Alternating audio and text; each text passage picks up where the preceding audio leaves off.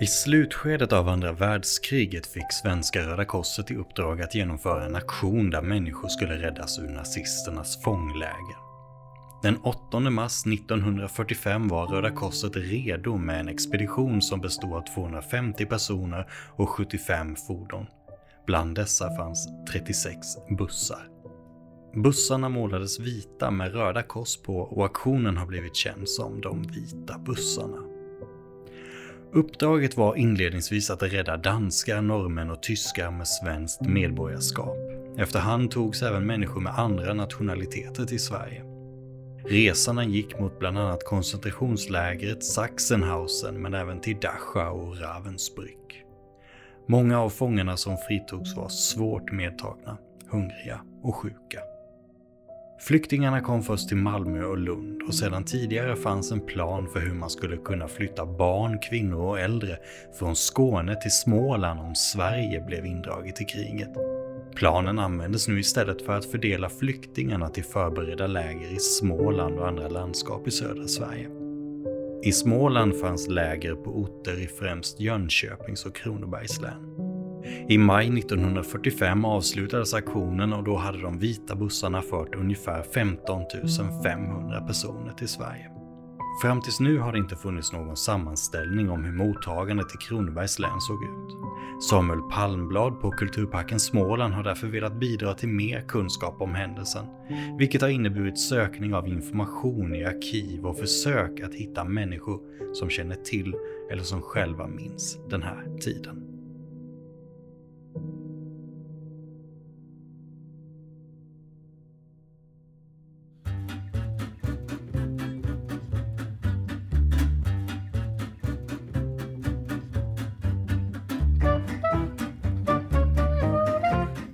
På jorden är Kulturparken Smålands podd om Kronoberg. Här pratar vi om stort som smått inom länets kulturhistoria, från forntid till nutid.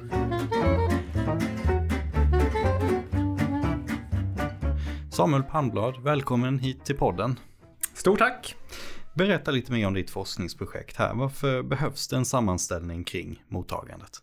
Ja, för det första är det ju ett länsmuseum och vi ska ju uppmärksamma fenomen och miljöer och händelser som är kopplade till länet. Och jag har ju märkt i min tjänst när jag varit ute och jobbat med olika typer av ärenden att ibland poppar det upp eh, eh, diskussioner där man hänvisar till att ja, men här borde du faktiskt koncentrationslägerfångar en period. Och det har funnits mycket funderingar kring vad som har hänt med de människorna och vi har många byggnader i länet som uppenbarligen haft en uppgift. Så att eh, lite utifrån den anledningen vill vi få en lite bättre inblick i hur det här faktiskt fungerade och vilken, vilka insatser som gjordes här i länet. Har det varit svårt att hitta information eller personer som kan berätta om händelserna? Ja, naturligtvis gör man ju detta lite för sent för att eh, de flesta människor som på olika sätt var engagerade har ju naturligtvis avlidit. Vi har hittat en hel del människor som var unga när detta hände, där de kanske var med och hjälpte sina föräldrar på olika sätt eller såg de här flyktingarna som kom. Eh, men vi har varit väldigt beroende av att få leta i arkiv. Och det har varit spännande naturligtvis. När man är runt om i landet så finns det ju fantastiska arkiv. Och jag tycker vi har fått ihop en väldigt god bild av hur det här länet faktiskt eh, hanterar den här frågan. Vad är det du har hittat? Ja, för det första hade vi en liten fundering när vi då började med detta. Var i länet tog man hand om de här människorna? Hur många var de ungefär? Och framförallt var ju lite fokus på vilka människor i länet engagerade sig? Hur hanterade myndigheterna här i länet? Vilka byggnader använde man? Hur fungerade detta? Eh, vad gjorde människor i bygden för att på ett sätt visa engagemang eller hjälpa till och, så, och dylikt?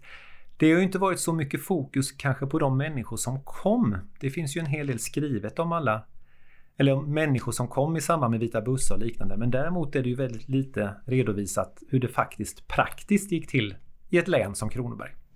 Vad är det för tidsperiod vi rör oss om här? Vita bussarna kommer till Sverige 1945, men vilken tidsperiod är det mottagandet börjar och, och slutar? Ja, de kom ju redan hit i stor omfattning i april och då är det ju Skåne som har det stora ansvaret i den här mottagningen.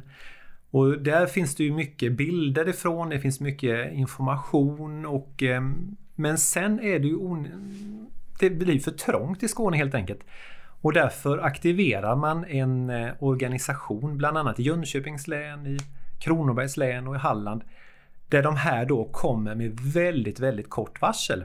Så i vårat län så kommer tågen inrullandes den 3 maj 1945. Eh, då de första lägren öppnas upp helt enkelt. Var fanns de allra första lägren i Kronoberg? Ja, först måste man också då tänka att det här sker med väldigt kort förvarning. På eh, bara några dygn så ska man då helt enkelt med hjälp av en speciell lagstiftning ta byggnader i anspråk. Och eh, de tre första platserna som öppnas, det är den 3 maj. Det är i Markaryd, det är i Pjätteryd och i Liatorp. Och det är lite praktiskt mm, för de ligger ut med större järnvägsstråk exempelvis. Det är lätt att transportera ut dem och då är det ju eh, helt enkelt föreningslokaler som man tar i anspråk. Där föreningar exempelvis eh, frikyrkor eller Folkets husrörelse de får helt enkelt lämna lokalerna. Det här innebär naturligtvis att de som ansvarar för de här platserna får väldigt, väldigt, väldigt mycket att göra. Det måste ju ordnas med sängar, sängkläder, hygienutrymmen och man ska också tänka att de människor som kommer i flera fall mår väldigt dåligt. Men var det ideella krafter som fick jobba med mottagandet eller fick man på något sätt ersättning för att helt plötsligt kommer det från en dag till en annan en ny uppgift för en fastighet, en ny uppgift för de som har varit i fastigheten, till exempel en, en skola eller vad det nu kan vara. Fanns det några pengar kopplade till det här uppdraget? Ja, först ska man ju säga att det fanns ju förberett redan under, under krigsåren att om Sverige anfalls så kommer man behöva flytta människor. Och i fallet Kronoberg så var det mycket skåningar man förväntas ta emot och där, därför hade man då väldigt noggrant rekognoserat vilka byggnader som var lämpliga. Och de byggnaderna hade man ju till och med kollat hur många kvadratmeter yta finns det? Hur många människor får vi plats med där inne? Finns det kök? Finns det eh, hygienutrymmen och liknande? Och eh, när man då tar de här i anspråk så får ju man en ersättning naturligtvis för man hyr lokalerna. Men däremot är man väldigt beroende av att frivilligorganisationer hjälper till. Så när man då fyller upp de här lägren med hundratals människor, då ansluter exempelvis Röda Kors-personal. Lottarörelsen gör ju storartade insatser för man måste ju laga mat. Sen är det också som så att de här människorna kan ju bära med sig smittsamma sjukdomar och då måste man sätta dem i karantän och då måste man också ha bevakningspersonal. Och då är det lite lurigt för att man är lite rädd för att människor då som kommer från ett läger i Tyskland hamnar i ett läger här och så står det människor med vapen och militärutrustning. Så därför försöker man engagera män, det är ju i stort sett då män som ska bli reservpoliser. Vilket ger ett mer civilt intryck. Så det är många människor som engagerar sig. Flera får en viss ersättning och lön men många gör ju också då stora frivilliginsatser. Men staten då, hur, hur bidrog den till mottagandet? Det måste ju varit jättemycket eller? Ja, självklart hade de ju huvudansvaret och de skulle se till att eh, regler följdes, att eh, den administrativa biten eh, ordnades. Sen handlar ju också det mycket om pengar i slutändan. Man ska se till att någon betalar för maten. Men också lägerpersonalen och de som lagar mat men också ordnar bevakning ska ju ha en viss ersättning. Så det är ju väldigt mycket redovisningar. Vad kostar en reservpolis i veckan? Hur många timmar har de jobbat? För allting ska ju då redovisas. Sen anställer man ju också särskilda människor som ska bistå med olika typer av stöd ute på de här lägren. Man har något som heter länskurator som åker runt och en uppgift är ju bland annat att möjliggöra olika typer av aktiviteter. Exempelvis ordnar man kurser faktiskt i lite saker. Man eh, hjälper dem i tyg och garn så att man kan sy. Men sen kan det vara en sån eh, enkel och nästan eh, humor, humoristisk eh, humoristiska ärenden där man från lägren har önskemål. Och eh, många läger önskar flaggor, nationsflaggor. Men vi kan ta ett eh, exempel här på hur den svenska byråkratin är ordnad.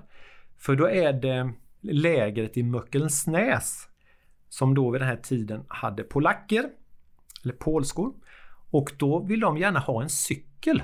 Och nu är det ganska många polskor som är inkvarterade. Man, man skulle vilja ha en cykel. Och då svarar då länskurator som sitter på Länsstyrelsen här i Växjö. Och svaret utgår den 16 juli 1945. Svaret skickas då till lägerchefen. Sedan internerna uttalat önskemål att disponera en styck cykel att användas vid privata ärenden har genom Länsstyrelsens tillstånd utverkats att cykeln kan erhållas från fältdepån Gamla Prästgården i Älmhult. Cykeln skall utkvitteras och återlämnas av lägerchefen, som ävenledes svarar för densammas förvaring och vård. Underkvitto skall begäras av den intern som närmast skall ha hand om cykeln. Cykeln skall ställas till internernas disposition enligt de närmare bestämmelser som utfärdas av lägrets förtroenderåd, landskansliet i Växjö. Vi pratar här om en sketen cykel som ska hämtas ut, men det är ordning och reda. Ordning och reda. Kvitton ska ordnas och det är för att den här cykeln då inte ska försvinna utan att man minsann har koll på den och att den vårdas och att den så småningom kan lämnas tillbaka. De här tre orterna du nämnde här i början, Markaryd, Pieteryd och Lidhult. Liatorp. Liatorp.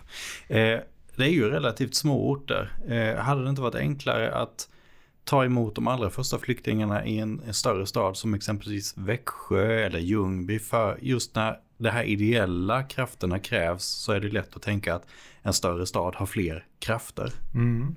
Ja, det är en självklar eh, tanke och eh, man kan säga så här att när den här mottagningen ska organiseras så inser man att för det första kommer människor som har varit med om otroliga händelser, som är traumatiserade, förlorat nära och kära och då vill man dels ha avskilda förläggningar men framför allt vill man ha en god kontroll över förläggningen så tillvida att är man satt i karantän då får man inte lämna den här lägerytan och därför föredrar man då att placera dem här i skolor på landsbygden, i föreningslokaler på landsbygden. Vilket gör att det här blir liksom inte den här platsen dit det kommer massa eh, människor som vill ta sig in och är nyfikna. Folk var nyfikna men det var mycket lätt att hantera på landsbygden. Nu är Markaryd kanske inte en, en liten by men där var det man ville snabbt öppna ett läger och till då Markaryd som eh, den 3 maj skulle ta emot 172 belgiska kvinnor. Då tog man två frikyrkor i anspråk. Och det gick ju på väldigt, väldigt kort tid innan man eh, fick meddelande om att de skulle komma och innan man kunde då förlägga dem i de här utrymmena. Men man saknade ju massor med förnödenheter och kläder för de hade ju ingenting med sig. Alltså det låter ju som en enormt stor operation att bara ta emot den mängden med människor och liksom ha noll på plats. Ja. ja, noll på plats hade man inte. Man hade förberett lägren men praktiska grejer som mat, sängar. Eh... Det var ju, jag kan säga det är två faktorer som gjorde detta krångligt. Dels att förvarningstiden var så väldigt, väldigt kort. Och två, den planläggning som låg till grund för detta byggde på att de här skåningarna som man skulle ta emot, att de hade ju med sig extra kalsonger, tandborste, lite tvål, eh, extra kläder. Men de som kom nu, de kom ju utan någonting. Och därför är det ju ett allmänt upprop i länet här att vi måste ha hjälp av allmänheten. De behöver skor, de behöver kapper, de behöver kläder. Och är det någonting när man läser de här lägerinspektionerna som görs så är det ett ständigt inledningsvis ett skriande behov av filtar. För att vid den här tiden, 1945, där början av maj, det var fortfarande ganska kallt i landet och eh, man är rädd att de här ska bli insjukna i förkylningar för de är ju nedsatta i sin immunförsvar och efter tiden i läger. Så absolut så var det en, en jätteuppgift att ordna en rimlig förläggningsmiljö för de här människorna. Men bland alla dessa ideella krafter och, och, mängder med flyktingar som kommer, det måste väl ändå finnas någon som är, är liksom chef, som har ansvar, som liksom är platschef mer eller mindre på varje läger. Fanns det det? Ja, och det var ju av största vikt att det här var förtroendeingivande människor. Man kan säga att Länsstyrelsen hade en övergripande roll att hantera att detta administrerades, att man hade ordning på karantänsregler, det kom mängder med direktiv. Men sen till syvende och sist ska man ju ha någon som faktiskt är föreståndare eller lägerchef. Och då får man ju hitta någon på bygden. Det kan vara advokat, det kan vara en gammal landsfiskal. Människor som jag inger ett visst förtroende. Och jag kan bara nämna i, i fallet Ryssby. Där var det en trävaruhandlare, en lite av en industrimagnat där i bygden, som fick då uppdrag att ha det här ansvaret. Och i Ryssby var det två lägerlokaler och hans son då fick eh, ansvaret för den ena. Och bara för att ge en liten inblick i hur de här vanliga människorna plötsligt hamnar i händelsernas centrum så ska jag bara läsa ett telegram här. För det som händer i Ryssby det är att den första omgången människor som kommer det är norrmän. Och när de här norrmännen sedermera ska flyttas för att man ska ta emot andra människor så utgår det då telegram till, i det här fallet trävaruhandlare Karl Gran. Och då kan det låta så här. Ni beordras härmed som chef för transport av 152 norrmän den 14 5 1945. Gustav Gran beordras biträda. Det är alltså sonen. Avgång från Ryssby klockan 08.24. Ankomst till Kvarnamåla 12.40. Därifrån bussar till luftkurorten Tingsryd. När tåget anlänt till Visslanda överlämnar ni befälet över transporten till härifrån utsedd person. Och nu då det som är slutklämmen här. Förbered därefter mottagandet under den 14 femte av 100 polska kvinnor. Eh, så plötsligt får han ett telegram dagen innan, alltså den 13 i femte, att följande dag, då ska han vara chef för en transport av 152 norrmän. Då ska man tömma två läger i trakten. Och sen ska han samma dag när detta genomförs förbereda mottagandet av 100 polska kvinnor. Och vi vet att de här polska kvinnorna var i ganska dålig kondition. Och bara en sån sak att trävaruhandlare Gran då ska se till att här finns det sängplatser, här är det städat. Här ska det vara karantän, här ska det vara bevakning, det måste ordnas bespisning. Och en sån praktisk sak, vem kan polska? För de här kunde inte svenska och de kunde i stort sett ingen engelska. Så runt om i länet är det ju ett jättebehov av tolkar. Man ringer runt till läroverken och skolorna och letar efter människor som kan franska, polska, andra språk, europeiska språk. Visst alltså, kom det som en blixt från klar himmel för trähandlare i Gran att nu händer detta? Ja, jag kan inte riktigt svara på det men vi vet att han har varit utsedd för att kunna vara chef för en sån här läger. Han hade viss förberedelse. Han hade viss förberedelse. Ja. Men det var nog inte väntat att han skulle ta emot ett stort antal norrmän och sen ett stort antal polskor. Men vi märker det, vill jag påstå, att de här som faktiskt togs emot var ju så makalöst tacksamma. Även om vi svenskar tyckte att ja men kära någon, vi har inte tillräckligt med filtar och vi har dåliga avträden. Så kommer de till någon som bryr sig, någon som tar hand om dem, man ser till dem, erbjuder läkarvård. Och de som är riktigt, riktigt sjuka de transporteras ju vidare då till eh, lasaretten i Ljungby eller Växjö. De som är svårt sjuka då, vilket många var. Det måste varit en chock för flyktingarna att komma från det som närmast kan beskrivas som rena helvetet till en plats där folk helt plötsligt bryr sig om och vill väl. Det måste varit en jätteomställning. Ja, men jag vill påstå att det var en chock för båda parter. För jag tror att många här i Sverige inte riktigt hade koll på vad de här människorna faktiskt har upplevt. Det kom ju människor till exempel då i fallet Ryssby. De kommer från Auschwitz flera stycken, från Ravensbrück. Där man då har människor som har upplevt hela sina familjer har eh, dödats. Där man själv har varit med att kanske flytta människor från eh, eh, gaskammare till krematorier. Människor som har bevittnat hur människor tas ut för medicinska experiment och så sitter man plötsligt i en liten missionskyrka i Ryssby och det kommer kvinnor och bäddar ner dem. De får mat, man frågar hur de mår. Eh, när karantänen så småningom hävs så erbjuds man ju också olika typer av aktiviteter. Och jag hittade här i ett protokoll att Ryssbyborna, om vi nu pratar Ryssby, ordnar sammanlagt 12 stycken olika fester och arrangemang för de här polska kvinnorna. Och det är klart att komma från de här förhållandena i Tyskland till det här så är det ju en chock både för den svenska personalen och de själva. Har du någon, någon uppfattning där om hur många det var, flyktingar det var som kom till Kronobergs län? Det har ju varit faktiskt ganska lurigt att klura på det där och det, vi har ju återfunnit en hel del lägerlistor men svensk byråkrati när den är som bäst, den är ju väldigt noggrann. Och till slut hittar vi ett dokument som heter följande. Sammandrag över antalet flyktingar i länet under tiden eh, andra i femte till första i tionde 1945.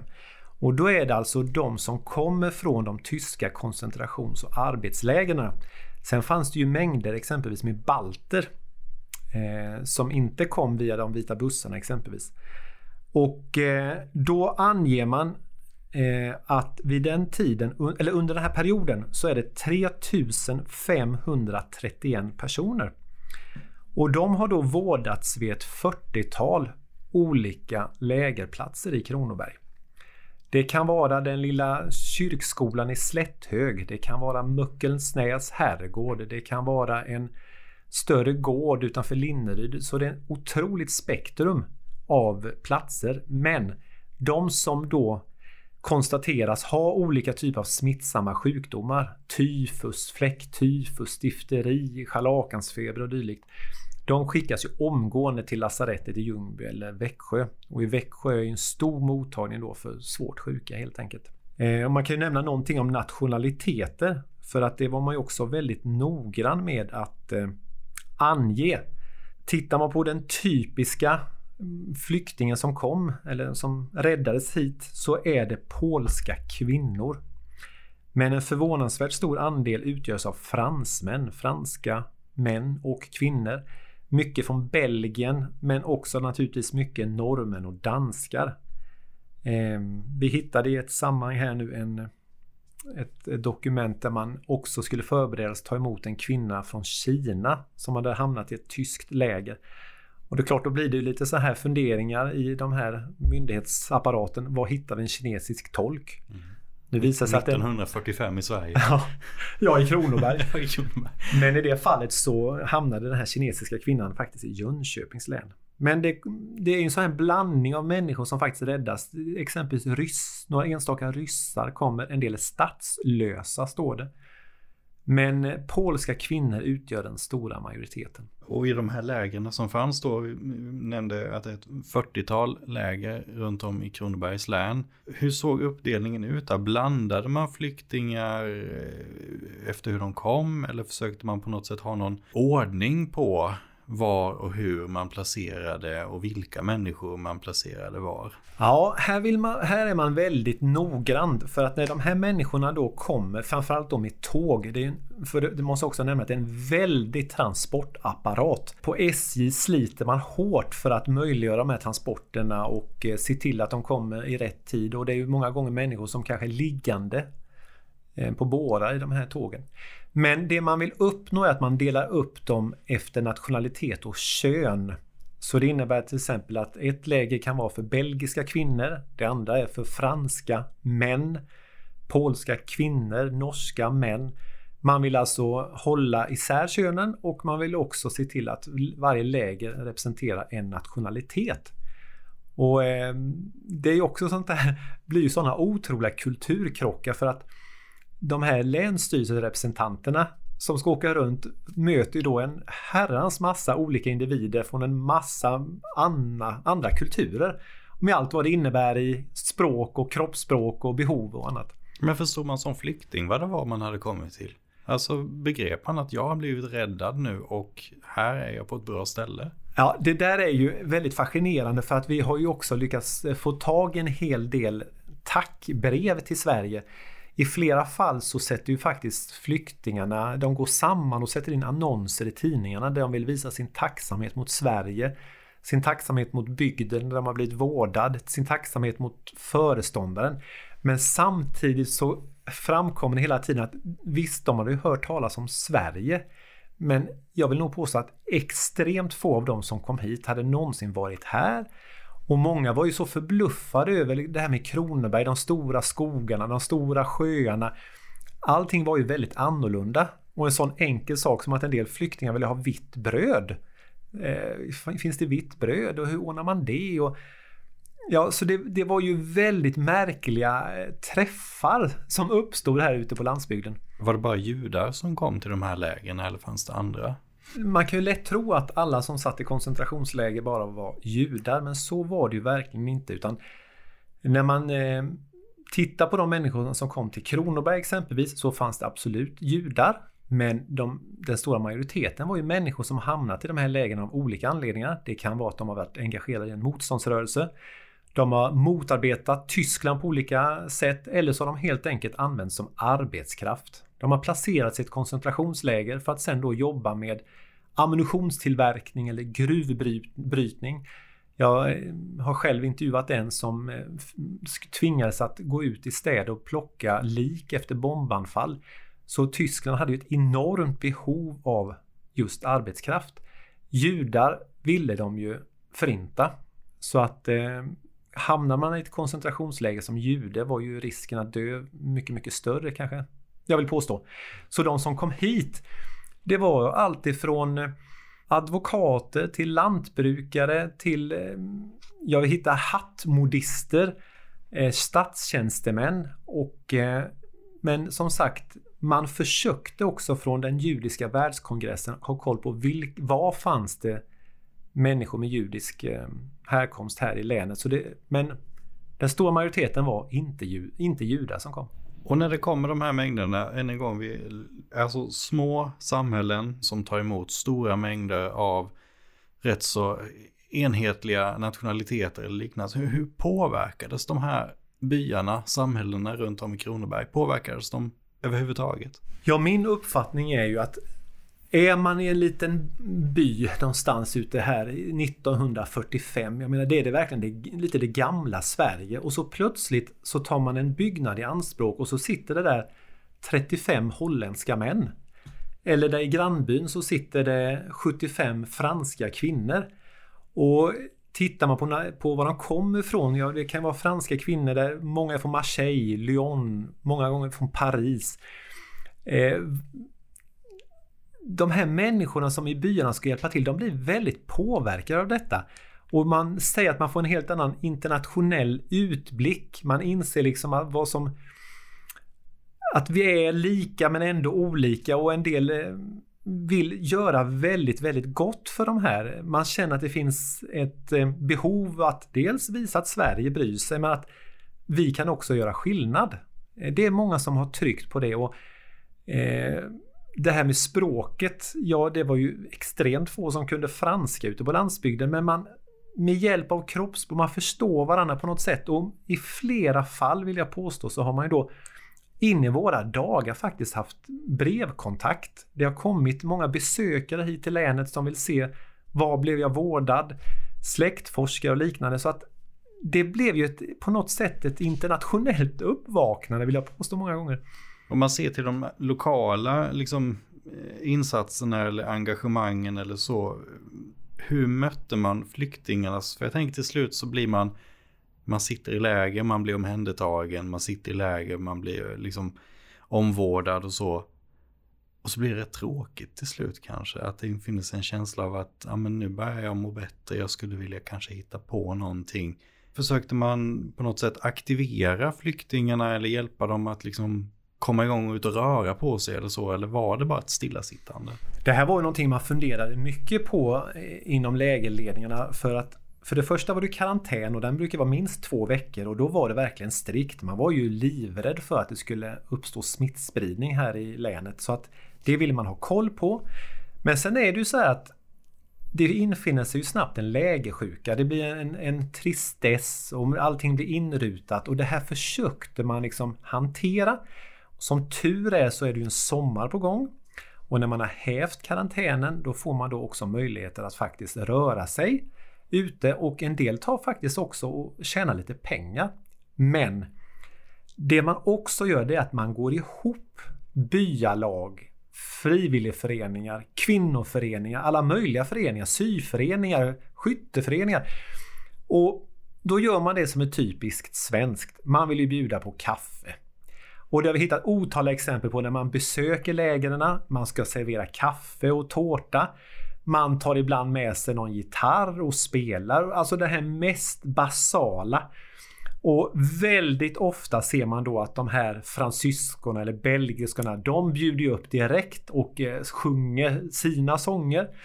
Och jag vill påstå att det här blir ju ett kulturutbyte bara det för att när svenskarna engagerar sig då känner de många gånger, då måste vi göra så. Vi har ju hittat exempel på där man ordnar kabaréer, musikarrangemang, eh, teateruppsättningar eh, i väntan på då den här att administrationen ska rulla på. När kan jag resa hem? Finns det någonting att resa hem till? Har jag anhöriga? För det är en ganska byråkratisk process. Men eh, det ser vi väldigt ofta att man, man försöker gå ihop och göra någonting för man tycker, man tycker ändå synd om dem.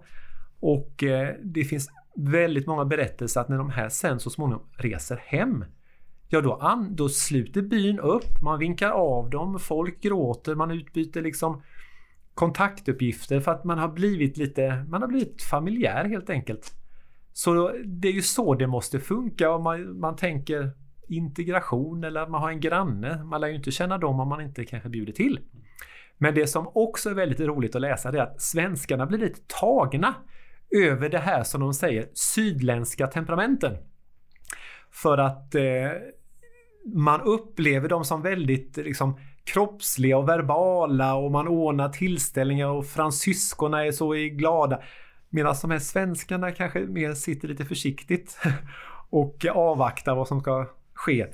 Så just det här uttrycket sydländskt temperament stöter vi på lite emellanåt. Och inte i negativ benämning att man är arg utan att man är mer kroppslig och man rör sig och gestikulerar och kramas och det kanske svenskar inte är så vana vid. Det var man inte alls van vid kan jag tänka mig.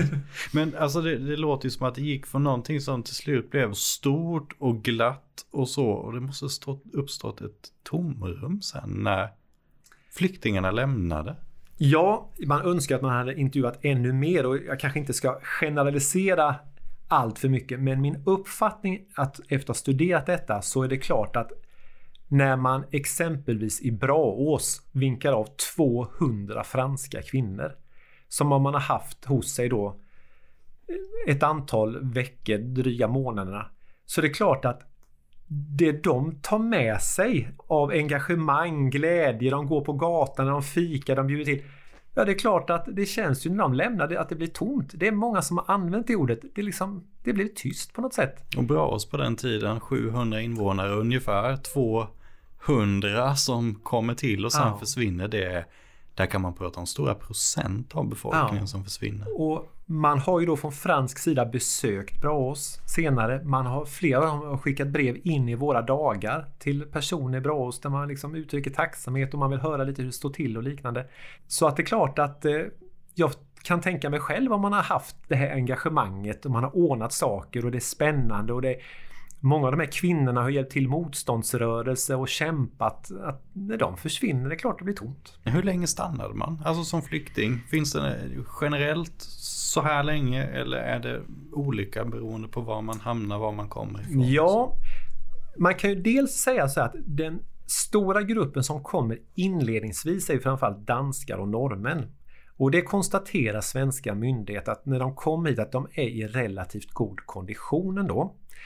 Eh, norska legation, danska legation kommer till lägren. Man ser till att det är ordning och reda och visar liksom så här kommer vi ta hand om er och ni kommer snart till Norge. De är inte här i länet särskilt länge. Mellan ja, tre, fyra veckor ungefär. Sen ordnar man då hemtransporter. Kommer man från länder i västra Europa, Luxemburg, Belgien, Frankrike exempelvis, Holland.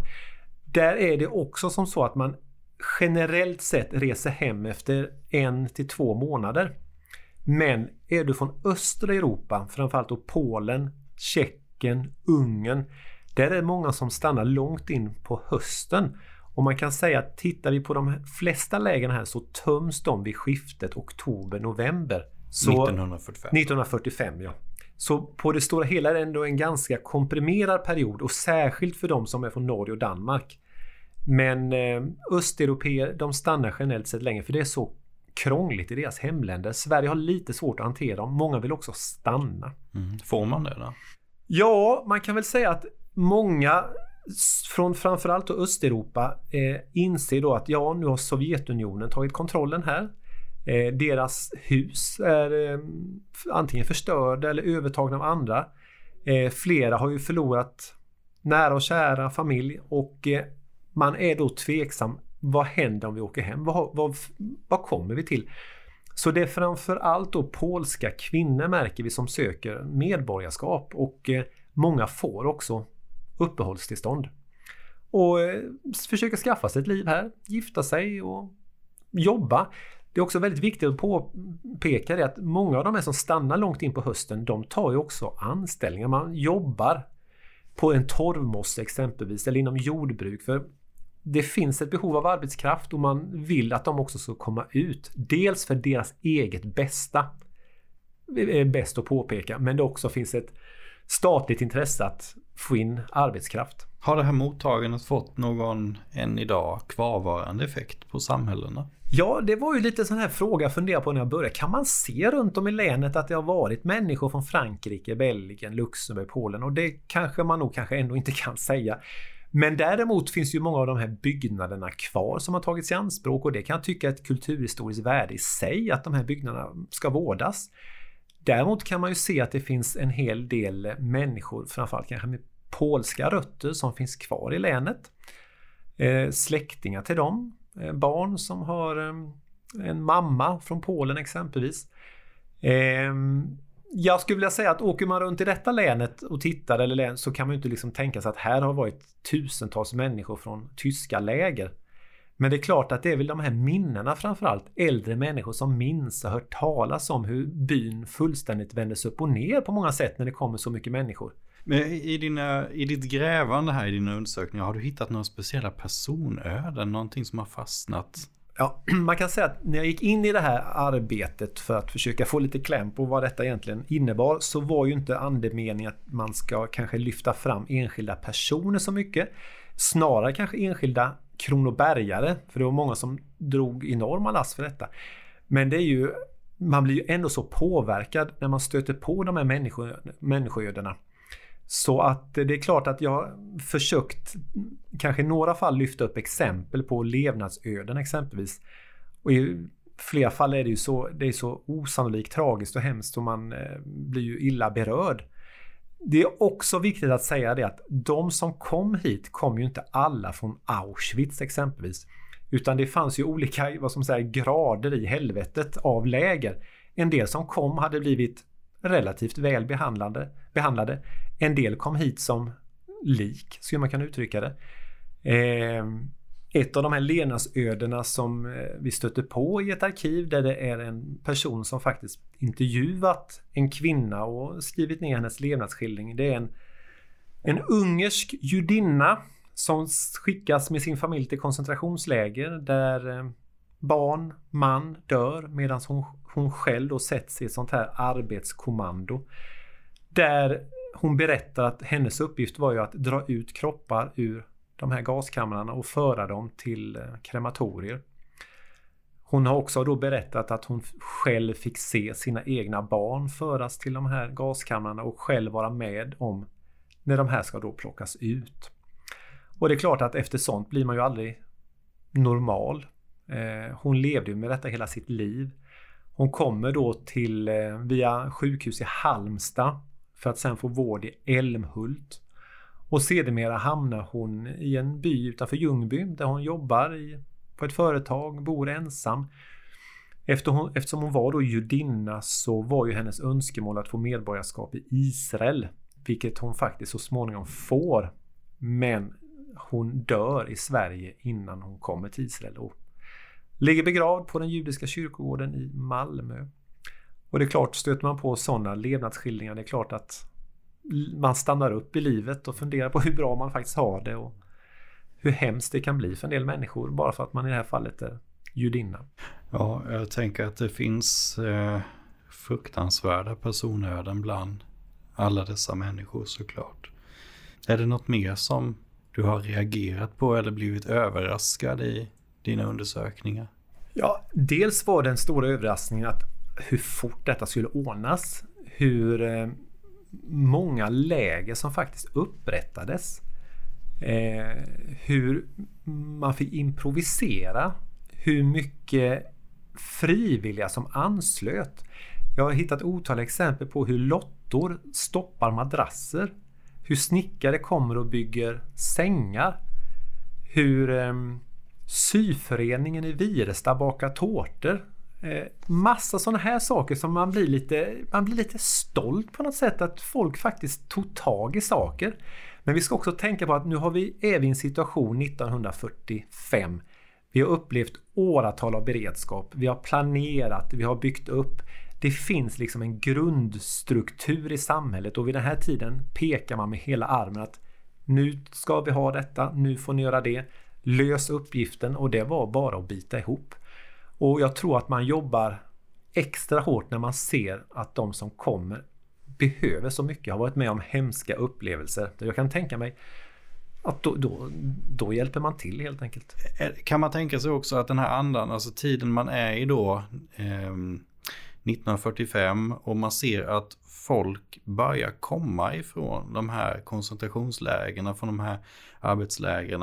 Kan det vara så att man i Sverige reagerar med någon viss lättnad eller glädje? Att man kan tänka att det här förbannade kriget, det kanske är på väg att ta slut. Och att det är därifrån man får den här energin också. Att, att ta sig an de här uppgifterna och, och att, att vilja hjälpa till så mycket.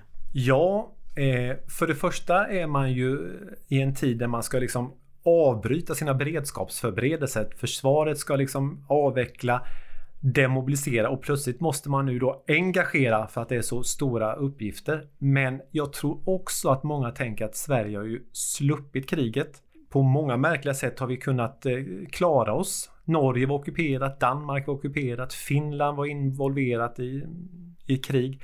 Så jag kan också tänka mig att man känner ett ansvar att nu måste vi ställa upp.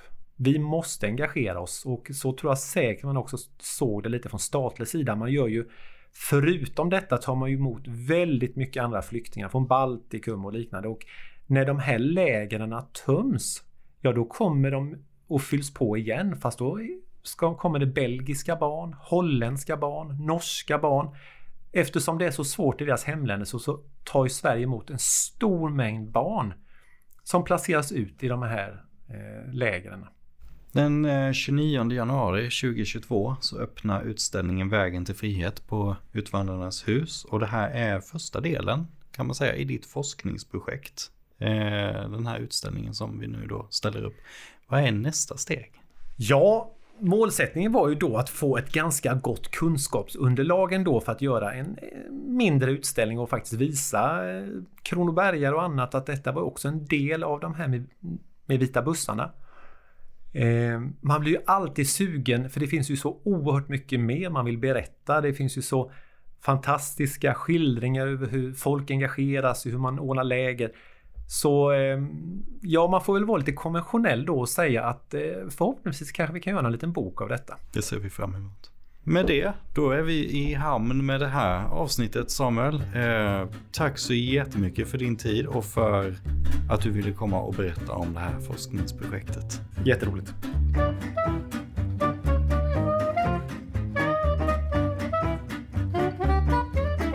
Du har lyssnat på din podd på jorden som den här gången har handlat om Vita bussarna och om Kronobergs läns roll i mottagandet av flyktingar från tyska koncentrationsläger. Gäst i studion var första antikvarie vid Kulturparken Småland Samuel Palmblad och jag som har varit programledare heter Kim Bovander Lindstedt.